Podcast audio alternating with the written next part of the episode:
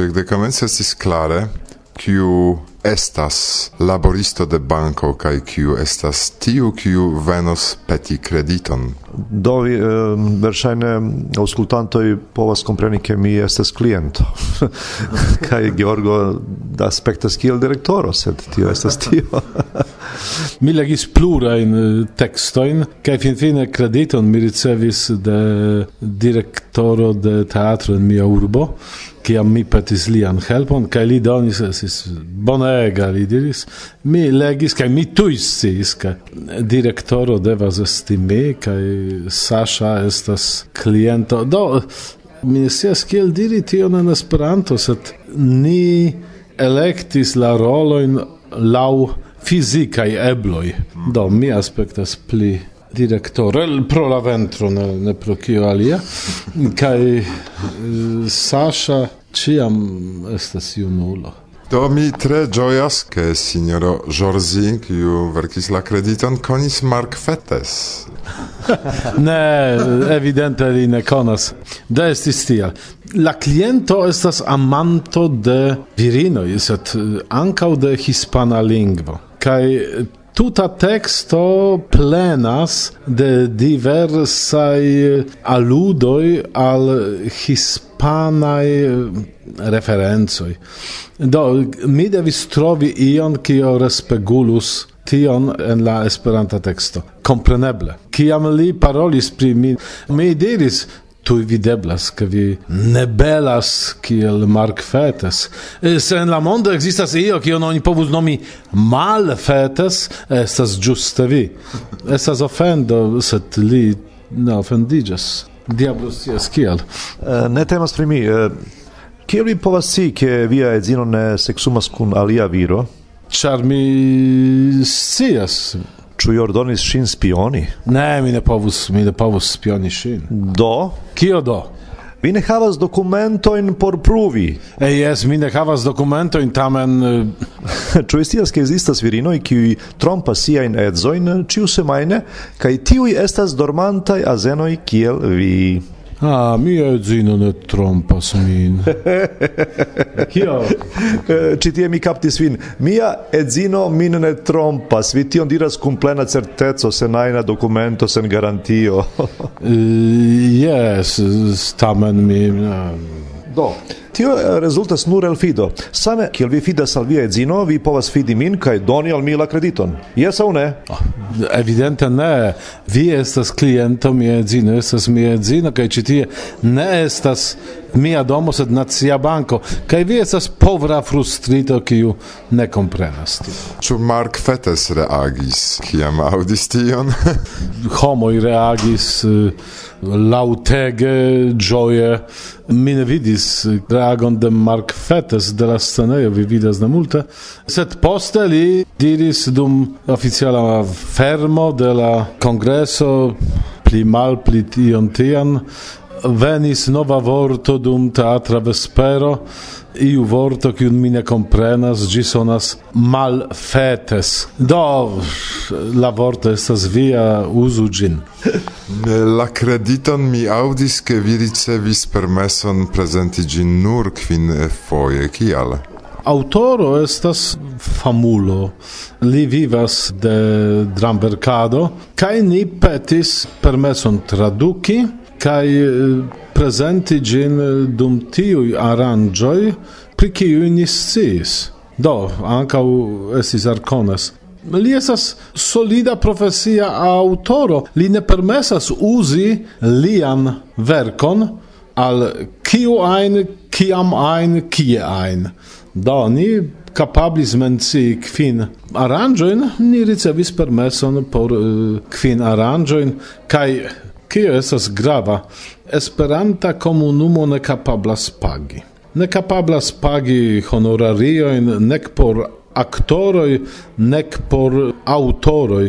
Do mi devis priskribi doni ekzemplojn de tiuj Nobel premiitoj, kiuj permesis senpage traduki siajn verkojn kaj prezenti ilin en libra formo, kaj li tuj ĝoje konsentis ke ni faru krediton Kaj nun mi scribos raporton post eh, Poznano, kiel tio okazis. Unu el plej interesaj aferoj estis, kiam en Nitra ni trovis iun katalunanon, kaj li venis kaj diris La unua afero kiun mi ekvidis en iu Slovakio fora lando de mi estas ke mia ŝatata aŭtoro de Katalunio estis tradukita de la hispana lingvo de iu polo kiu kun iu serbo prezentos gin antaŭ publiko de sesdek nacioj.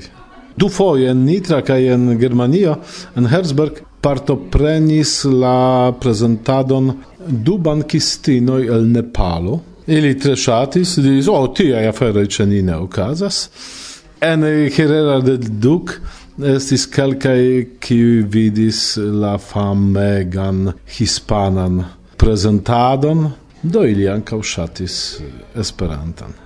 Mi vidis vin eh, uh, antau premiero, ciam vi ege serioze dum quar tagoi antau la prezentado sidis cae exercis, trainis, ripetadis la textoin, ege streciai kai enne gis fino bona in circunstanze, char estis varmege tie kai tio ne vere helpas. Carai imago che tion kion ni vidas kiel rezulto mm, sur scene estas grandega laboro nec ili gustomis vinon, nec ion alian sidis en kafejo, trinkis kafon kaj ekzercis kaj homoj pensis ke ili ordinare interparolas inter si mem, kelkaj deziris aliĝi al tiu interparolo, sed deĵoris amikino kiu diris ne ili ekzercas. Kiom longe vi eh, trainis la tekston por tiu la unua spektaklo, ĉar poste estis sekvaj, ĉu? Por prepari unu profesian teatraĵon oni bezonas almenaŭ kvardek provojn. Provo daŭras tri kvar horoj. Tio signifas che oni bezonas eh, unu monato kaj duono por prepari seriozan profesian teatraĵon. Nia teatro Verda Banano mi anca volus diri che ni estas eh, teatro sur la radoj. Georgo estis ĉe mi en Serbio sep tagoj kaj mi estis ĉe li sep tagoj plus tri tagoj. Tio signifas ke ni preparis prezentaĵon eh, dudek tagoj ni havis. Ni estis kune eĉ eĉ ne tiom. Mi estis ĉe vi vi estis ĉe mi kaj poste vi denove venis al mi kaj poste ni jam flugis al hispana kongreso sed ni dum tri tagoj ekzercis en hotelo anstataŭ viziti Madridon kaj nur poste vi vidis nin sidantaj kun kafo en Herrera del Duke. Estas tre tre tre granda laboro. Kaj antaŭe mi devis traduki la tuton el la hispana, kiun mi ne konas. Do, mi helpis min la pola teksto. Evidente, hispana es pli proksima al Esperanto, ol pola al Esperanto, do mi devis uzi la originalan tekston eh, kaj eh, nur consultis la polan. Kaj ankaŭ eh, estas tio, ke En multaj lokoj mi metis esperantajn tekstojn, kiujn ni ĉiuj konas. Mi eĉ sukcesis meti esperantan himnon kaj parton de la vojo de Zamenhof, kaj mi ne ŝanĝis la tekston, mi nur ŝanĝis vortojn, sed fakte estis iu momento en kiu hispana teksto estis tre proxima al nia himno. Do estas tiu momento kiam Sasha la cliento magias direktoron. Do li uzas conatajn Zamenhofajn tekstojn in partia. Ni scias, ke estis la lasta eh, uh, spektaklo de La credito Mi almeno de, de tiu serio, se ni decidus de nove fari ion, ni simple devus denove kontrakti kun la aŭtoro. Oni ancora devas diri, ke kiel kutime ni luis profesian regisoron, kiu helpis al ni en multaj momentoj solvi la aferojn. Sur la scenejo do estas Kuba Abrahamovic, kiu regisoris jam trian nian spektaklon. Kaj sen tio mi ne imagas, eh, ke ni povus fari tion. La planoj? scribi raporton al autoro, danki lin ancora foie kai fin fine riposi Vi raitas iun saluti. Saluton al ciui kiu vidis crediton estis nia granda plezuro prezenti gin al vi. Mi mm, manca tion diras. Varsovia vento bla bla bla. bla.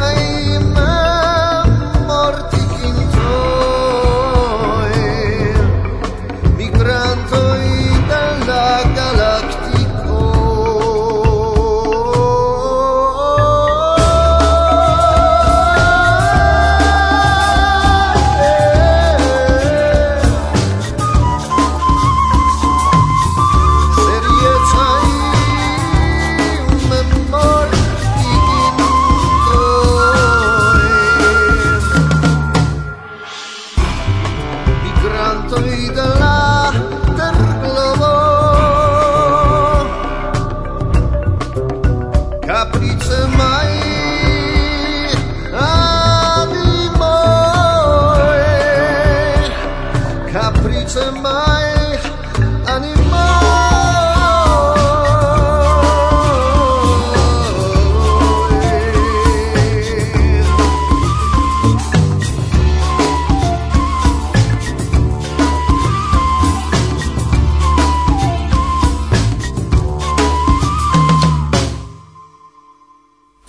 Vento. Varsovia vento el sendoi la sepdekvina Hispana Esperanto Kongreso kai antaŭ mi Saluton, eh, dankon Irek, mi estas eh, Ana Manero kai prisorgas la eh, bibliotekon de Hispana Esperanto Federacio en Madrido. Pri kio vere temas? Ĉu vi fakte estas tiu, kiu sidas inter kaj kalkulas librojn kaj vi rigardas ĉu numeroj estas korektaj kaj se iu pruntoprenis kaj ne redonis, vi persekutas uh, tiun homon? Bone, fakte mi ne tion persekutas kiel mi devus. Se tio eh, ciam okazas ĉe nia movado, ĉu ne? Eh, normale en bibliotekoj post eh, du semajnoj da pruntado vi devas redoni se ne vi estas persekutata kaj eble eĉ punata, sed ĉe ni bone ni estas pli relaksaj, vi havas tri monatojn porque vi tranquile legu kaj tio estas unu el niaj celoj fakte ke niaj eh, membroj legu interesajn dokumentojn en Esperantujo, sed ne nur temas pri legado ĉar ankaŭ ni havas alispecajn dokumentojn kiel filmoj, muziko, elektronikaj resursoj, do estas malgranda biblioteko, ĉar fakte ni ne havas spacon, la loko estas tre malgranda, sed eh, ni provas kolekti ĉion interesan la niaj ebloj ĉar ankaŭ ni havas la problemon ke la biblioteko nutriĝas ĉefe el donacoj, bedaŭrinde el multfoje el forpasintoj alvenas ancau donatsoi de eh, autoroi kiu jus eldonis verkon kai la nova verko alvenas al la biblioteko kai tio estas kompreneble pli riĉigo de ĝi kai no ĝuste pri tio mi okupiĝas pri katalogado, pri plutenado de la bretaro, pri pruntado, kotopo. Do inter vortoi mi rimarkis peton. Homoi, se vi havas nebezonatan libron, sendu al ni, do ni havos pli riĉan bibliotekon kai la esperantistoj kiuj uzas ĝin havas pli riĉan elekton, ĉu? Eh, bone, se tio dependas ĉu ni jam havas aŭ ne tiun titolon, ĉar kiel mi diris, la spaco en la biblioteko estas tre malgranda. Do ni povas disponi nur po unu ekzemplero de ĉiu titolo, ĉar eh, male ni devos peti permeson de la najbaro meti niajn librojn ankaŭ en iliaj domoj kaj tio ne estas inda. La problemo estas ĉefe spaco kaj ĝuste ĉar ni havas problemon de spaco, ni pensis pri alia projekto kiu nuntempe ni disvolvas kiu estas la bitoteko. La bitoteko estas cifereca biblioteko, ni diru eh, venas de bito, bito kaj biblioteko estas eh, e, ja de ambaŭ vortoj Kai tiu projekto komencis jam antaŭ pluraj jaroj, do temas eh, unu flanke pri bitigado de tio kio estas jam eksterrajtoj. Aŭ mm, de tio kies eh, autoro donis la rajton bitigi kaj aperigi en la bitoteko. La projekto komencis tre modeste, simple pri bitigado de gazeteltondaĵoj, estis eh, grava kolekto kiun ni disponas en la biblioteko. Sed postio ĉar la fero funkciis, ni vidis ke estas eblecoj kaj nu profitante la fakto ke mi profesias kiel bibliotekistino kaj mi konas la rimedojn kaj la teknikojn, ni provis malfermi tiun alian vojon de cifereca biblioteko por ni. Ĉu iu ajn subtenas tiun agadon finance? Fakte ne. Eh, la biblioteko ĉar ricevas eh, donace la libroin ne elspezas multe por acetado. En rilato al la bitigado, kiu estas ja mm, sufiĉe komplika laboro, ni ne subtenon ĉar la teknikaĵoj ni diru la bibliotekan programon kiu ni uzas por la catalogado kaj la disponigado de tiuj dokumentoj estas eh, senpaga, eh, estas unu el tiuj liberaj programoj kiui basiĝas eh, ekzemple kiel o aŭ similaj ĉu? Kaj tio estas senpaga. Eh, la laboro de mia kaj de miaj kunlaborantoj sen kies eh, helpo tio no, temas pri informatika helpo kiun mi tre bezonas por disvolvi la programon sen ilia helpo tio tute ne estus ebla ni ciui laboras en page. Ancau tiui kiui helpas vitigante laboras en page. Do ni ricevis nur du helpetoen, unu el ili estis de la urbodomo de Madrido, kiu donis subvencion, kai per tiu ni acetis specialan scanilon por libroi, Temas pri tiu scanilo kies eh, kristalo alvenas ĝis la rando kaj tia maniere vi ne devas eh, tro premi la librojn por eh, malfermi kaj skani ilin simple eh, ili povas eh, resti ĉe la rando en angulo, ĉu? Tia maniere la mm, bildo ne misformiĝas kaj la libro ne difektiĝas dum la bitigado. Do tio estis eh, aparato kiun ni povis aĉeti pere de tio subvencio. Kai ankaŭ ni ricevis monon en mane, iam mi presentis la bitotekon en la centra oficejo de UEA, kai unu el la i vidis ke la mm, proiecto estas inda kai apogis cin per cent euroi do. Novae libroi eldonigas vi in ricevas kai kiu perloin vi havas? perloi, do ni havas multa in perlo in tie, do mm, perloi de la unua i tempo in ne havas multa in, ni havas kelka in externi amovado, et exemple kelka i pri bolapuk, ni havas un revuon tie, ni havas eh, ancau prescau la tutan colecton eh, donitan de Juan Regulo, Juan Regulo estis unu el la plei bona i el donistoi, kai li farisian laboron tre isolite tie en la Canaria insuloi, Facte li estas tiel grava ne por eh, la movado generale, sed por la disvolviĝo de la movado en Hispanio. Kaj lia mm, eh, el donista laboro tiom signifis por ni ke ni donis lian nomon al nia biblioteko do la biblioteco de Hispana Esperanto Federacio nomiĝas Biblioteco Juan Regulo Pérez eh, omaĝi al li. El libro en eh, do la dian comedion, ni havas la Coranon, ni havas la lasta en eh, el dono en de la Iberascolo, Ni havas multa in anca de aliaj e antaua e prescaucion de William Old, do mm, mi devus consulti facte la catalogon por povi respondi vian eh, demandon pli giuste. Ĉu vi havas Hamleton? Compreneble plura in el donoin. Ah, ankaŭ mi. Do tia mi ne diskutos, laste aperis ankaŭ sinjoro Tadeo nova eldono. Ĉu vi iam visitis Muzeon de Esperanto en Vieno? Ne, bedaurinde ne. Estis eh, foio kian eh, ocasisti rencontigio anta une longe, estis renkontillo de bibliotekistoj, kaj mi havis la planon ĉe estis, sed eh, pro personaj kialoj finfine eh, la afero fiaskis kaj mi ne povis iri. Do iamaniere provu, ĉar se vi interesiĝas pri libroj, do tiam eh, provu kontaktigi kun Herbert Mayer, Petulin, eh, en ili tiun kaŝitan parton. Mi estis, mi vidis librojn, tie oni povas au entuziasmigi au frenezigi yeah. tio multe da libroi tio multe da manuscripto mm. estas tie ja yeah, ja yeah, compreneble mi sekvos vian konsilon kaj tuj kian mi povos miros sed o estas interese ke la mondo sciu ke lastatempe la i de Esperanto kun laboras por fari comunan catalogon, kaj tion ni faras pere de iu listo kiu kreiĝis antaŭ du jaroj pli malpli Kaj ni laboras eh, juste por tio, ke tiom da mirindajo i kiu estas i en la en ikelo i en niaj i kai kiu konas preska unur la bibliotekisto kiu ili prizorgas, apero antaŭ la mondo kai por tio ni bezonas katalogon, eh, sed ni tion devas fari la profesia i eh, metodo i la profesia i criterio i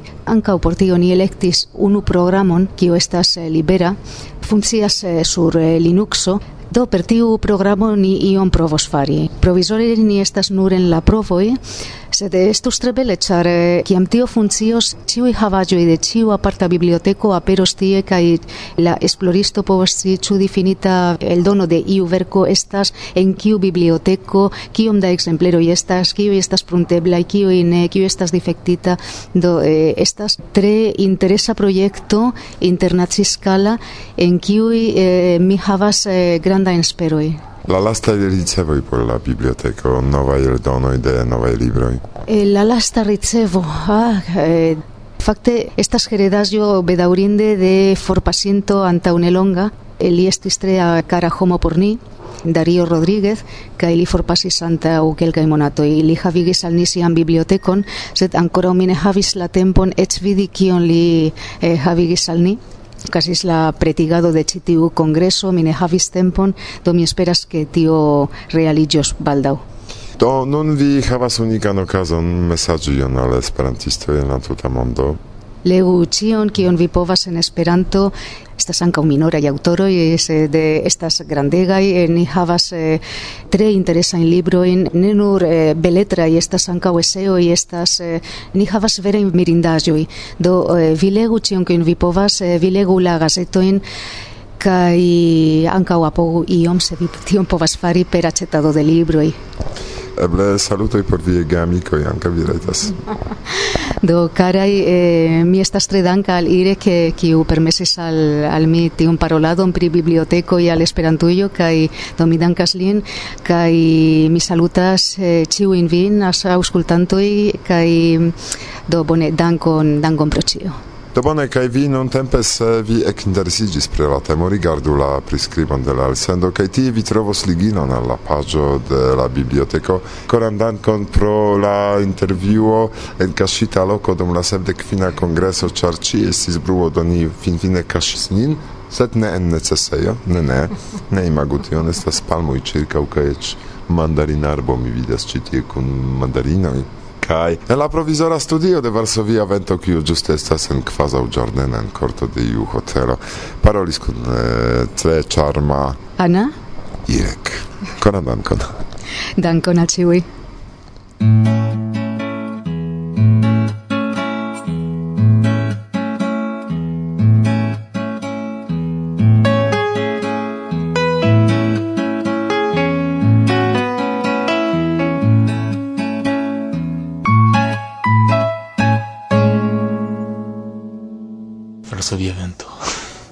Bla bla bla.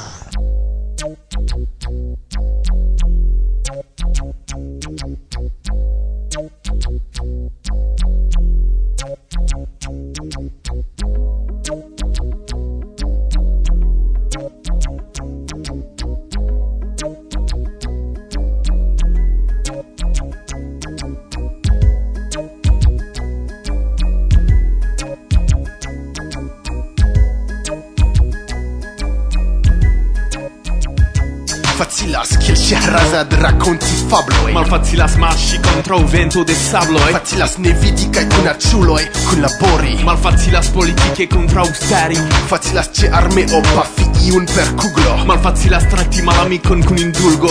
Facilas rompi la koron kaj lasi iun en agonio. Malfacilas daŭre pluvivi post amhistorio Facilas fanfaroni pri homa evoluo Malfacilas inspiri en nia poluo. Facilas por juĝisto alsendi homon al mortalo Malfacilas ekdubi pri sia lia propra moralo Facilas promesi internacian televidon. Malfacilas pri Flavio havi plu da filo. Facilas sin kaŝi malantaŭ Dio kaj libro. Malfacilas trovi en si mem ekvilibro Facilas kulpigi alian vivmanieron kaj emon. Malfacilas batali kontraŭ tutan sistemon. Facilas ĉiam uzi ironion aŭ sarkasmon. Malfacilas trovi en la vivo entuziasmon. Facilas obei laboron strikte. Malfacilas daŭri sen salajro strike Facilas por ni paroli kun fluo kaj poetik Malfacilas provi repi. Post la paf klik Do eble ne hazarde, sed uh, tamen mi aperis dum conveno de Pola Esperanto Asocio, kiu ci foje okazis en uh, Varsovio, kaj post la conveno mi renkontiĝas kun... Da, mi nomiĝas Aleksander Zdechlik, kai eh, mi estas non prezidanto de Pola Esperanta Asocio. Kiel eh, jam Irek diris, hodiaŭ antaŭ kelkaj minutoj finiĝis kunsido de ĉefa estraro de Pola Esperanta Asocio.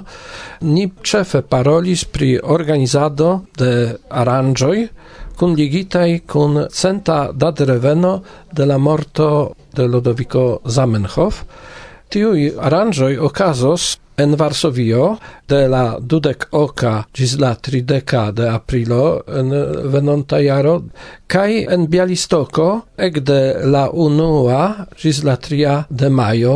Nur Bialistoko kaj Varsovio? Ne, e, pro tio ke UNESCO proponis ke venont jaro estos dedicita al Ludovico Zamenhof, tiuj aranĝoj destinitaj al nia majstro estas eh, en la tuta mondo, sed precipe tio estas grava che estos aranjo en Varsovio, char ciui sias ke Lodovico Zamenhof mortis en Varsovio. Ci tie kvankam estis granda milito, eh, dua mondmilito, lia tobbo trovigas, kai hazarde ne estis detruita. Do eh, tio estas grave ke esperantistoi povos vidi tiun tombon de eh, nia maestro. vidi kai saluti maestron ĉi tie, ĉar li plu restas kun ni ciui, almeno anime, Ĉu nur pri tio vi kunsidis hodiaŭ, ĉar estis longa kunsido ekde mateno ĝis nun, do pli ol duontago? No, jes, eh, la kunsido estis eh, pli longa, sed kiel mi diris, tiu temo estis pli grava ol aliaj temoj, do eh, ni parolis ankaŭ pri kunlaboro kun pola junularo, do ankaŭ tiuj temoj estis por ni gravaj, sed eh, mi opinias ke pro la jaro 2017 eh, la temo pri Lodoviko Zamenhof estis plej grava. Do eh, non mi captas okazon por saluti vin kiuj aŭskultas la radion kaj ankaŭ inviti vin por veni al Pollando kaj al Varsovio kaj Bialistoko venont jare. Dankon.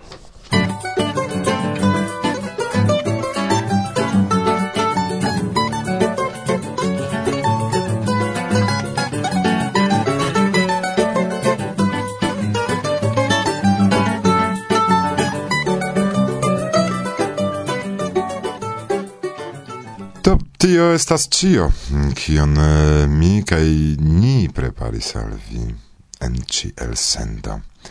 En provizora studio de Varsovia Vento laboris ankaŭ Sylwia, Michał, Gorzka, me, Marek, Rudzik kaj mi, Irek. Ĝis la venonta elsendo. Dziś, dziś. Kaj apud sidas Valentina kaj prifajfas.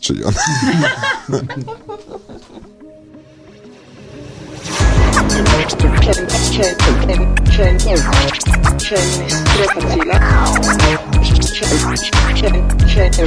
cień, cień,